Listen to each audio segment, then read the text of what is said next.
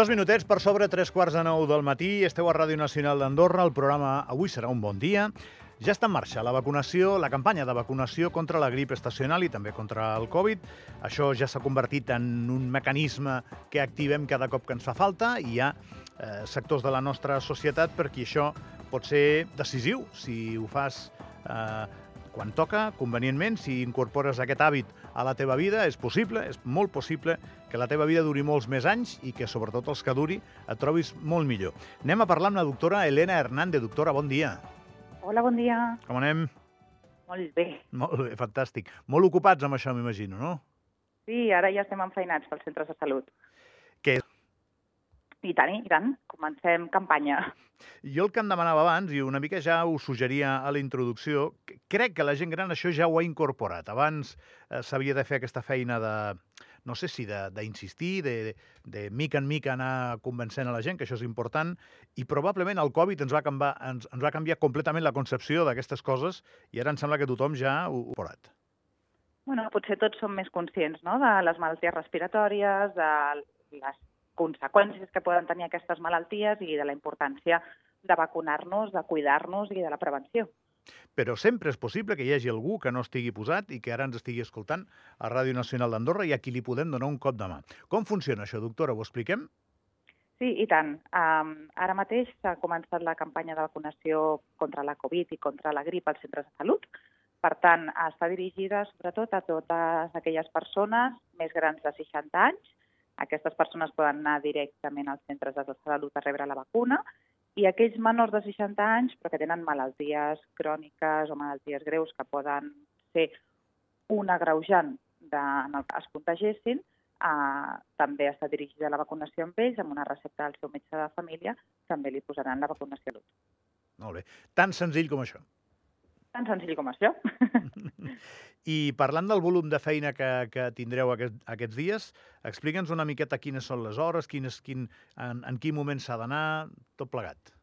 Cada centre de salut s'ha organitzat de la manera que que ha considerat més convenient, bàsicament per dos motius. La vacunació de la grip eh, és més senzilla perquè són vials únics, però la vacunació de la Covid són vials en les que cada vial eh, surten cinc dosis. Per tant, hem de citar els pacients de tal manera que no eh, bueno, que no malbaratem vacunacions. Per tant, la, el meu consell és que truquin al seu centre de salut i que demanin directament perquè cadascú d'ells eh, s'ha organitzat de la millor manera possible. Molt bé. Tan, repeteixo, eh, de nou, tan senzill com això, eh, s'ha de fer aquesta feina i, i un cop feta, i si potser hi ha alguna persona doncs, que tingui alguna dificultat eh, bé, per comunicar-se o pel que sigui, no? que pot passar també, que hi hagi una certa dependència, aquí la família de cadascú doncs, que intervingui, que ajudi, que sempre és, és com es fan les coses, no? I tant que sí. Nosaltres sempre estem disposats a ajudar a tothom i intentar posar les coses el més fàcil possible i, i això, evidentment, a la gent gran la major part d'ells, com que l'accés als centres de salut bàsicament és telefònic o presencialment, eh, és un accés que és bastant facilitador si no, doncs els familiars o, o alguna persona que estigui propera. Doctora, quin hivern esperem en relació al que l'estic trucant avui, que és la grip, la Covid? Bueno, el que s'espera és com el de cada any.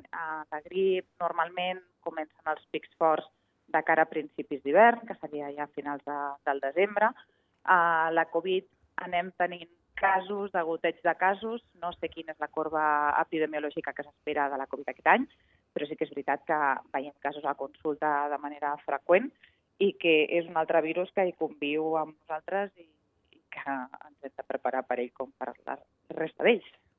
No, no fa massa publicàvem que el nostre govern, igual que els governs de la vora, donava per acabar de l'emergència sanitària de, de la Covid. Hi ha debat a la comunitat científica sobre això o van tots a una ja d'una vegada?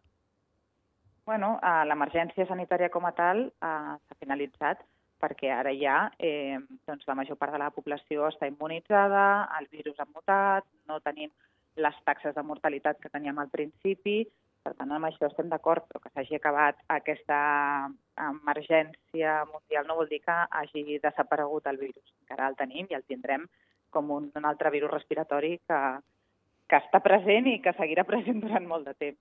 Bé, l'hem d'incorporar al catàleg de coses que ens poden passar, però no amb un asterisc especial. M'està dient això? Sí, correcte. Sap què passa, doctora? Que com que no serà mai igual que els altres, perquè ens va passar el que ens va passar amb aquest, ens, almenys una generació, dues o tres, ens en recordarem d'aquest en concret molt més que dels altres. I ara potser doncs, té un potencial eh, de complicació per cada persona que l'enganxi similar a d'altres malalties, però sempre, almenys durant un temps, sempre estarem preguntant de manera diferent, jo crec.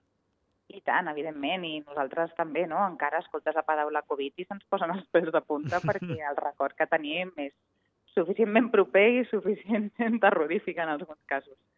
Eh, I, bueno, és això, no hem d'oblidar que és un virus més que hi conviu i que ronda i que existeix, no ha desaparegut.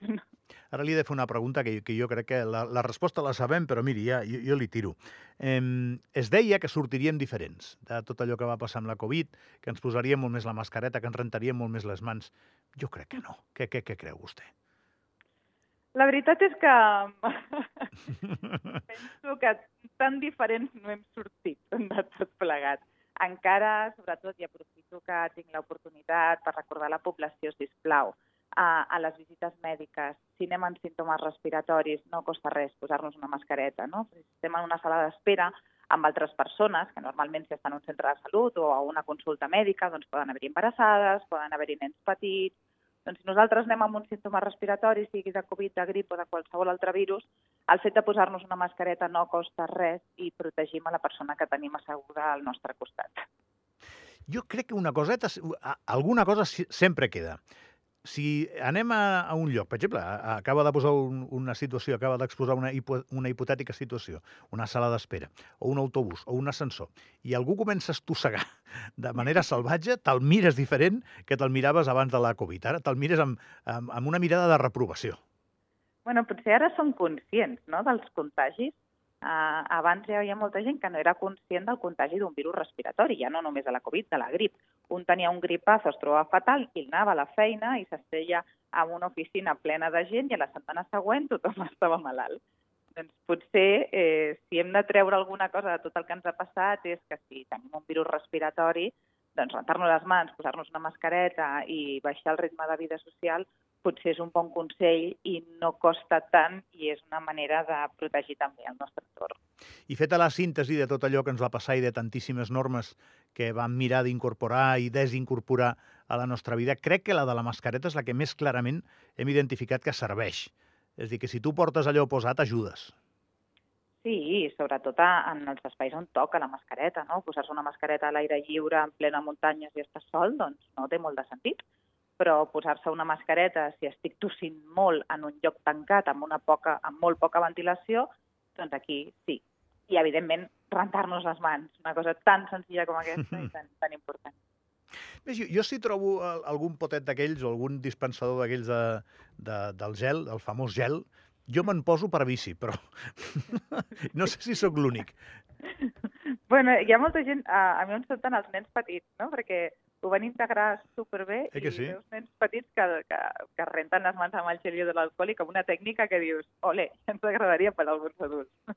És que si, si repeteixo ja per acabar la conversa, doctora, si pensem totes les coses que vam arribar a fer, que hi ha gent que netejava allò que li portaven del súper, eh?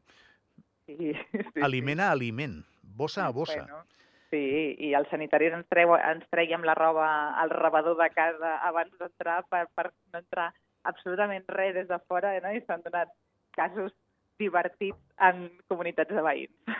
Ah, sí? De, de despullar-te i no tenir clau de casa?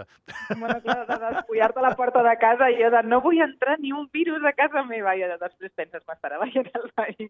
I traiem la roba, aquí, la roba aquí a la porta de casa. La resposta, doctora, és que si, si algú la podia veure, segur que la va veure, perquè això va així. Sí. Doctora Elena Hernández, moltíssimes gràcies pel seu temps. Gràcies, eh, que vagi gràcies molt bé. Gràcies a vosaltres, que tingueu un bon dia. Ara de seguida l'Anna ens explica algunes portades, va.